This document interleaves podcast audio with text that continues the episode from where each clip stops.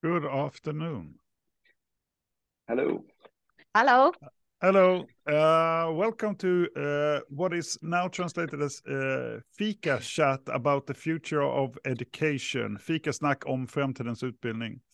Um, a little pod where we unscripted uh, talk about uh, things big and small concerning the future of education uh, at KTH and beyond. Um, I am Johan. I work at the IT department as a business analyst, and I'm also hosting this pod. And together with uh, the uh, the program for uh, future education and the program manager Joakim Lilliesköld, you are also joining today.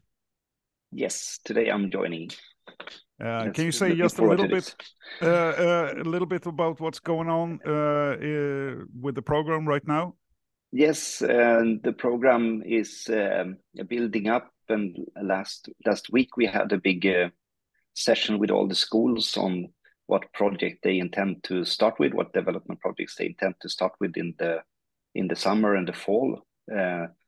And it was uh, every every schools gathered together and shared their ideas and discussed their ideas and and now we we're starting with this as a joint program. So it's really interesting and a lot of, of a lot of good ideas and projects unfortunately we couldn't finance everything but it was good uh, I, I, guess that's also is, is like a sound evidence that there are enough proposals not to be able to mm. to fund them all. Um, yes, uh, joining us for this unscripted uh, dive into the unknown is also uh, a teacher from KTH, Luigia. Uh, warmly welcome to the pod. Thank you very much for the invitation, Johan and Joakim. Very happy to be here. Um, we will uh, bombard you with questions of uh, various degrees of precision. I'm sure okay. when it comes to me. Uh, uh, but we, are we're, we're super happy that you you can take time uh, to to join us, and it will be me and Joakim, of course, asking questions. But the chat is also open, and those that are participating there are welcome to state questions, reflections, thoughts. Um, just to start off a little bit, uh, I think actually uh, this one is yours, Joakim. Um, yeah. Well, uh, yeah, Luigia, please tell us a little about yourself. Yes. Um, well, I, I think what probably what aspect of my life that is important here is my academic uh, path that brought me from a little town in central Italy to um, uh, Stockholm. Um, I'm originally from Italy. I did all my education in my home country. I received a master in environmental engineering from my alma mater, which is the University of Bologna. And then mm. I took my PhD uh, in hydraulic engineering from uh, Politecnico di Milano. And so I owe my education to um, to um, to Italy. Then after that, I spent some time, you know, this uh, the gray zone of the postdoc, uh, still working in Italy, and then I moved to further north. I moved to the Netherlands. Mm. I spent uh, seven years in uh, lovely Delft, uh, where I worked at IHE, the Institute for Water Education which is a unique place uh, because it addresses education and capacity development and research in all aspects of water. So mm-hmm. there were engineers, there were lawyers, there were social scientists, political scientists, everybody working on water. So that and that I think contributed very much in shaping the kind of researcher that and teacher that I've become. And then in 2016, I joined KTH as an associate professor in river engineering. Mm. I'm still here, very happy. and uh, and um, yeah, and I think I've uh, matured over those past seven years here at KTH, and um, it's uh, been an interesting journey. Yeah, that's good. And what do what do you do at KTH when it comes to your your teaching that we're talking about here and, and research as well? My research field is um, I started with flood risk modeling, flood risk management, hydraulic modeling, and lately I've moved more towards the feedback dynamics between society and uh, water decision-making processes and structural inter intervention in river basins. And when it comes to teaching, I'm responsible at the AB school and the SEED department where I'm where I have my base. I'm responsible for courses related to fluid mechanics, um, hydraulic engineering, and water system modeling. And I am one of the study directors here at the department. So I am both teaching and managing education in the department. Yeah, speaking about teaching, uh, you said you matured uh, at KTH, and one could say, because uh, you were one of those awarded the pedagogical prize last year, 2022, at KTH. Uh, so, first off, congratulations. Uh, how does Thank you. how does it feel to get this reward? Uh, it feels good. of course, it was um, it was a it was an honor. Um, you know, I when I received the email and I saw that the email came from the rector, rectorate. Say what? An email What from the I done? rectorate. Yeah, what have I done? Are they firing me? Uh, then I I I was uh, honored and I felt lucky, very lucky. Uh, I mean, I'm surrounded by great teachers, colleagues that are very much committed to education. So I really felt, you know, that I was the lucky one to get this uh, prize, and I felt very grateful uh, because I think I have. Um, when I say that I matured here, I think I was offered at KTH the freedom to experiment as a teacher without any constraints. Well, there is some constraint, but uh, without much constraint, I think I've um, had the opportunity to develop my way of teaching. And uh, it's great to see that it has been appreciated by students and by colleagues. So, And if you look at the motivation, they they uh, it focuses on several things, but creativity, cross-disciplinary work, and also taking uh, teaching outside of the classroom. We're going to return to these things, but what do you think is the reasoning or the background uh, for you being uh, selected or awarded, rather, uh, to this? Um, yeah, it's uh, it's difficult to say, but uh, what I can say is that um, the motivation reflects very well what I'm trying to do in class. I'm, um, you know, I come from, um, I mean, my background comes uh, from a very strong traditional education. When I was a student, like 20 years ago, mhm. it was very much traditional and engineering education. You know, this student active or student centered uh, education was not a priority at all. You went to class and then you were given the information and then you had to elaborate the information by yourself. And um, I think I've um, I've learned how that um, works for some and not for all. And then it there is not a, a solution that fits all, but the we can as a teacher trying to reach all. And I think uh, the engineers that we are shaping now are very different from when I was a student. You know, uh, the and it's not just that they have to face different challenges, but it the pace of change is very fast. It's much faster than it was when I was a student. And so I think what is important is that I need to give students something more than a book can give or a very well done YouTube video can give students. And that is, besides my experience, I think offering something that I think is as important as learning Bernoulli equation, which is the capacity to be flexible and adaptive. And that is what I've been trying to give my students, both in terms of methods and contents in my courses. And I think that the motivation to the prize catches that. Excellent.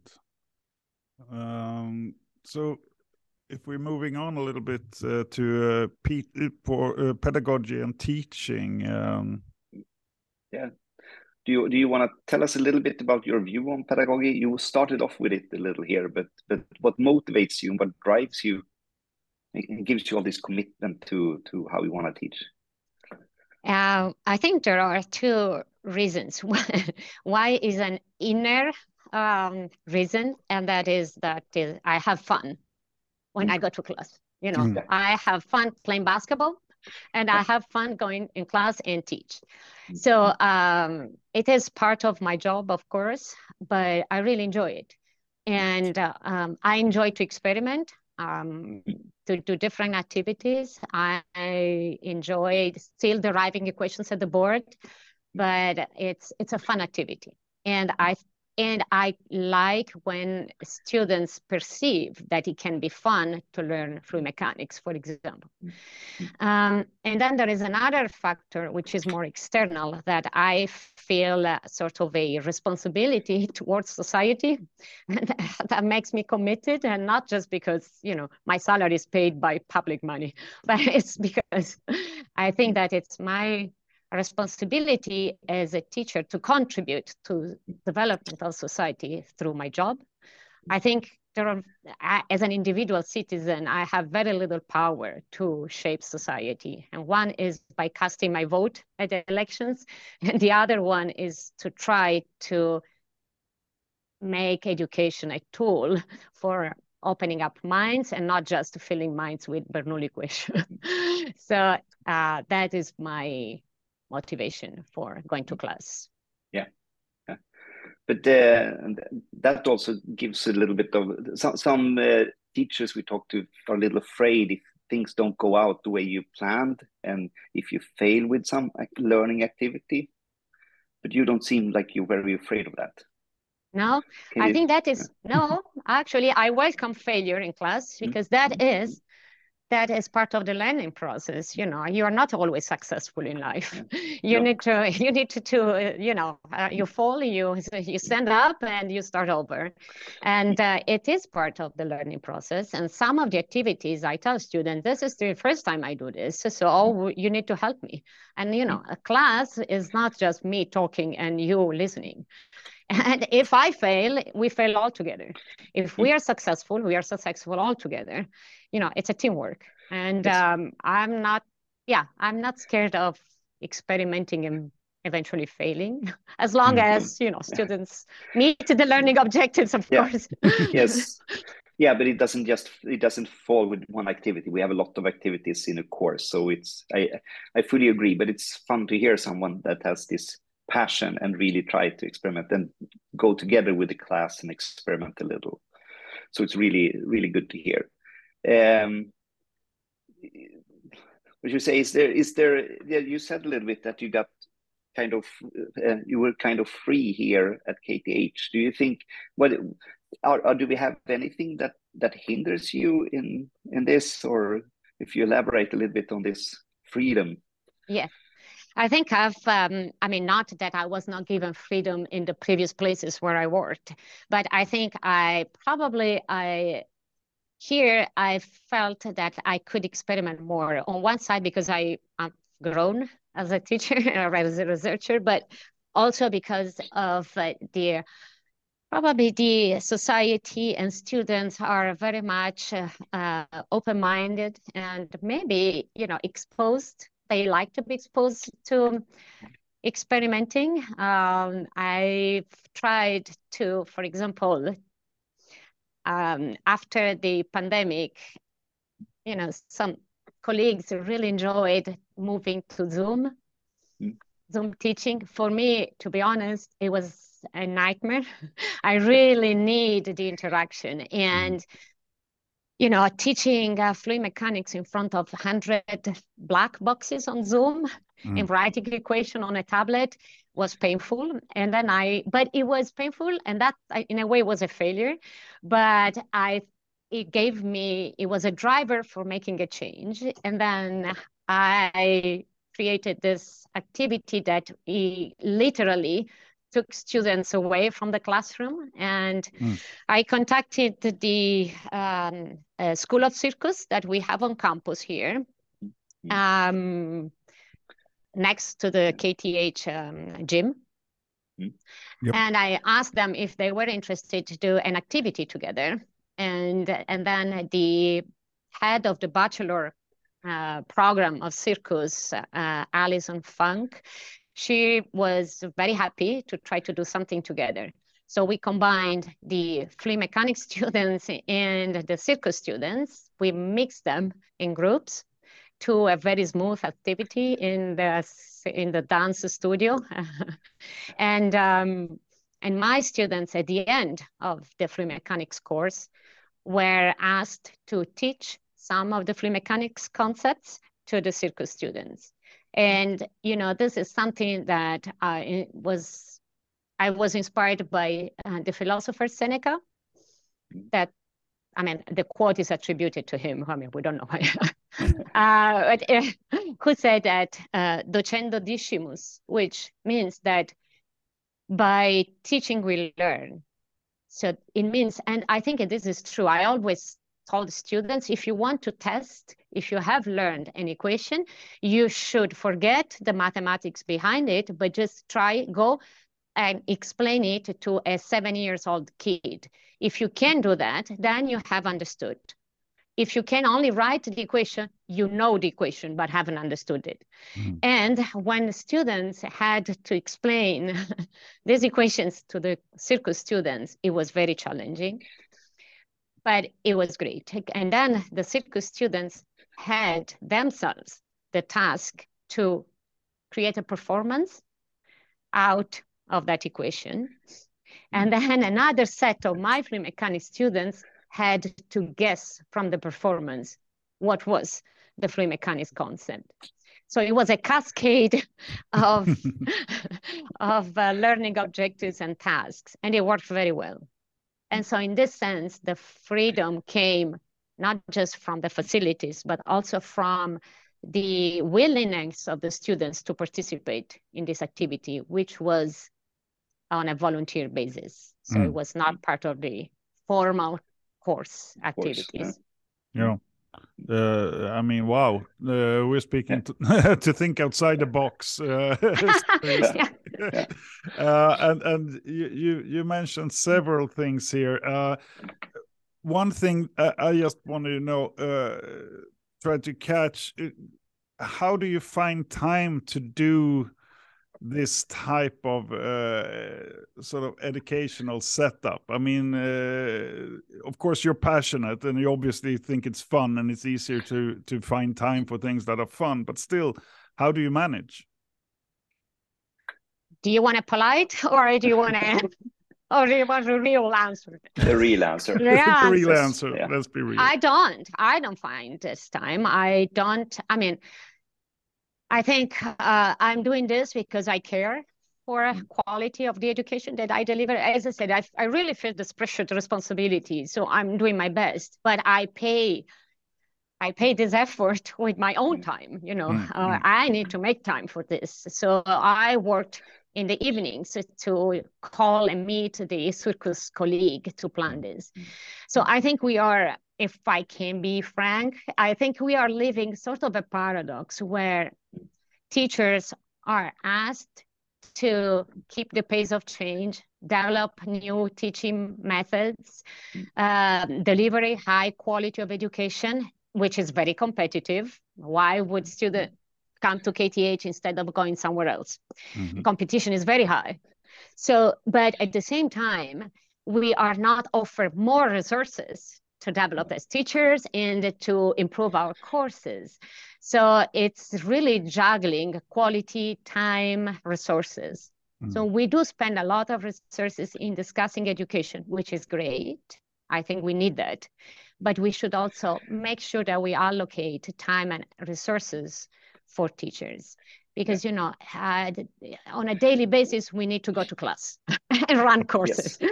yeah. so that is i yeah i use my own time. Yeah but if we if we stay on that one how, what what would you take is the lessons learned from doing this now? You set, set up you set up this uh, collabor collaboration with the circus school. You did these seminars or, or with the students what can you bring to it and what can you share to others is it will it in the future be able to to save some time or will it be I'm this again. deeper learning you're doing this again yeah So, doing, so yeah. what's lessons learned, you think? I think that the lesson learned is that it really pays off uh, to have this kind of different activities. And so to it pays off because students get more interested. I mean, they told me, you know, we had a lot of discussion, also feedback session on this, uh, because I, I really thought, I mean, is this worth, you know, is this worth spending all mm-hmm. my time here or just to explain at the board, just equations. But then, you know, students were very happy. They say that it really lifted the level of their understanding to a higher standard because they had they felt the responsibility to teach others. And then it, it was crucial to them to do that. So it, and then i realized that this kind of activities are are very beneficial to students. Now how to make that on a a standard in courses it's very difficult because indeed mm. if i i have never really made a budget of how much time I have spent on that. I should have done that. Uh, now, of co- and of course, it is an investment. Now it's there. I can mm. use it again. And this year is not going to take me as much time as the previous time. But it the lesson learned is that we, sh- I mean, I will keep experimenting and I will try uh, to make it as efficient as possible. But I, I, I mean, the lack of resources is not going to hinder me, but I know that I'm going to pay with my time. yeah, hmm. yeah, hmm. yeah. Mm-hmm. Yeah, but but it's an interesting reflection that it, it, it is going to cost you time, but but the lessons learned here is it's in in many other advanced uh, concepts. Maybe this is something one could help the students to to get a deeper knowledge on electromagnetics or or other other type of areas that yeah that is difficult for students yeah. I mean i i, I think it, it was very very useful and i could see when i their commitment i could see that and also it was a strange combination of course you know going to this mm. dance studio and meeting this uh, circus students. It was new to everybody. It was new to me, it was new to them, and it was um, a different context. Even the relationship with me as a teacher was different. You know, I was not standing in front of the board, you know, I was one of them. I was myself shaky because I didn't know how this, where this would go. so uh, we shaped the activity together and it worked very well. So I was very, very happy. And I and that's why I'm doing this again. And uh, if I can add, actually, I'm trying also to take, um, in a way, to make this more efficient by doing some research on how creativity in engineering education can question mark foster learning. And so in a way i'm combining now this teaching with some research in this mm-hmm. sense. Yeah. Uh, i was just thinking I was just thinking, you said something earlier that I think is, is key to why you can dare to do this. It's that you saw yourself and the student as a team.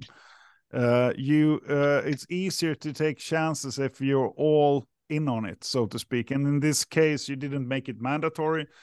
Uh, but I think if you have that view, it's not as scary as a teacher to maybe try new concepts uh, because you don't have to know that it's going to be super successful or super easy or convenient for anyone if you have this team spirit with the students uh, and it, they know that when going into this. Um, so i think that is a perspective that might help others to also dare to try things that could work but maybe are not 100% guaranteed to work uh, we are engineers after all, so we sort of we like problems, we like challenges, and and and, and we're sort of driven by that. But it, it, you have to be curious, a bit bold, but also you need to know uh, have that sort of contract between the students and teachers also to dare to try new things because it can fail yeah it can fail but i think this uh, this was uh, this was part of, uh, in a way, the learning objective of that specific activity. Because, you know,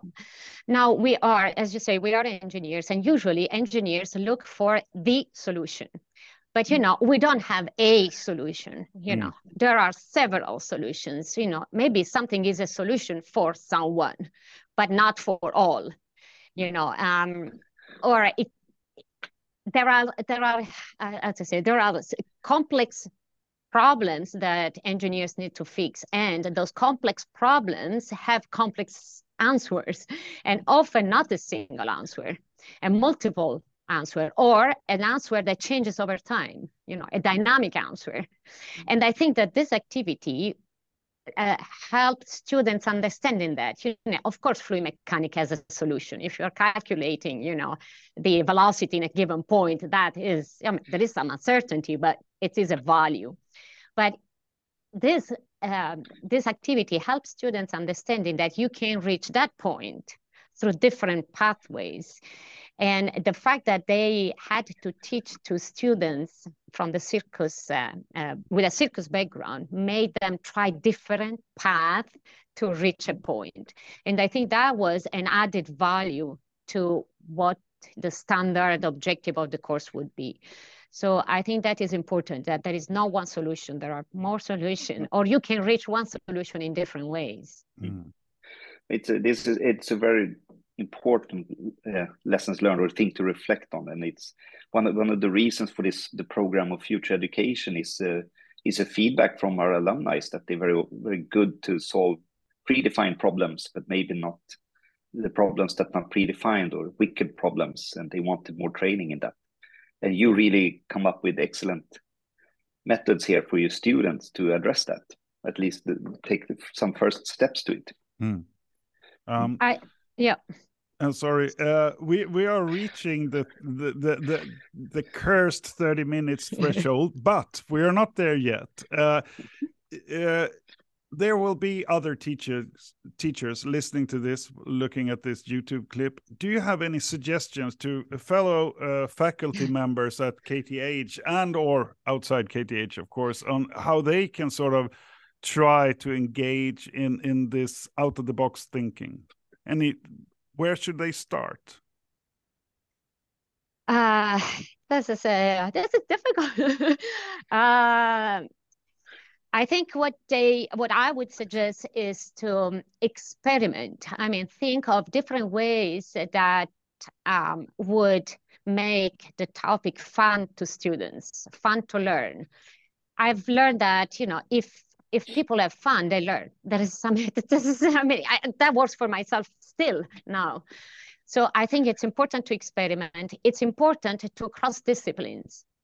I mean, we do this in research a lot. You know, now everything is interdisciplinary, multidisciplinary, cross-disciplinary, but not yet, I think, in education. We are doing that at the program level to some extent, but within a course, we can do that. We can be cross and interdisciplinary at the course level. So if you bring in other discipline in your class, I think that the main discipline, main subject of the course will be highlighted, you know, and students will really see the need of how the subject contributes to a big overall picture. So I think that is important. And then I think it's important to push students outside of their comfort zone because that is where learning happens, I think. Very, very good. We we got a question in the chat from Sören Östlund, and it's a very important question because um, changing the pedagogic is one thing, but then and that address we, we reach some students with that, but uh, how how did you did you change your assessment too because of this approach or do you think you're going to in time have to change your assessment or Okay, in this specific case, the uh, the activity was on a voluntary basis, so it was not part of the assessment. The assessment was made in, for myself in an informal way. So the first group of students teaching to the fluid mechanics, uh, to the circus students, I was there. I was going around and looking at what they were doing. And then I talked to the circus students and I asked them to explain me the fluid mechanics concept, so in an indirect way. And to the second batch of my students, those who had to look at the performance and guess the fluid mechanic concept. They had to write an essay on the activity that they had seen, and they had to interview the circus students on how they had processed the fluid mechanic concept and made it into a performing art um, performance. Mm-hmm. So it was in an indirect way. Mm-hmm. But I yeah. compared the grades that students mm-hmm. got in the fluid mechanics exam, those who attended and not attended the Mm. uh, activity, and you could see the difference. Yeah. Yes. Very nice. But but that means you you you did a little bit of assessment of the learning that they did, and then you Yes. but you still had a, a traditional exam, and then you could compare Yeah, yeah, the yeah, learning. yeah. Of course. Yeah, Yes, yeah, yes. yeah, Mm, yeah. mm. Yes, yes. Thank you very much. Thank you very much for sharing and for Mm. uh, helping more people to know a little bit on how you have thought outside the box and maybe uh, sown a little seed uh, for on how others can can approach also uh, the, the same challenge. Uh, time is up, my friends. Uh, it's been a pleasure as always to to meet you, Joakim, and thank you so much, Luigia, for for joining us. The conversation continues. Questions are welcome to us, and I, I'm sure you can also reach out to Luigia if you want to. Yes, of course. Yes. I'll be happy to reply. Yeah, we and we look forward to your paper and the research on this and sharing. I even submitted more. it. Yes, oh, great, great. Already? Yes. Cool. Looking forward to it. Uh, Yeah. And we this this pod, uh, Fika chat uh, about the future of education, will be back in two weeks. Uh, until then, we wish you all a pleasant continuation of spring that has finally come. Thank you so much. Yes. Thank you very much. Thank Bye. you. Bye bye. Bye.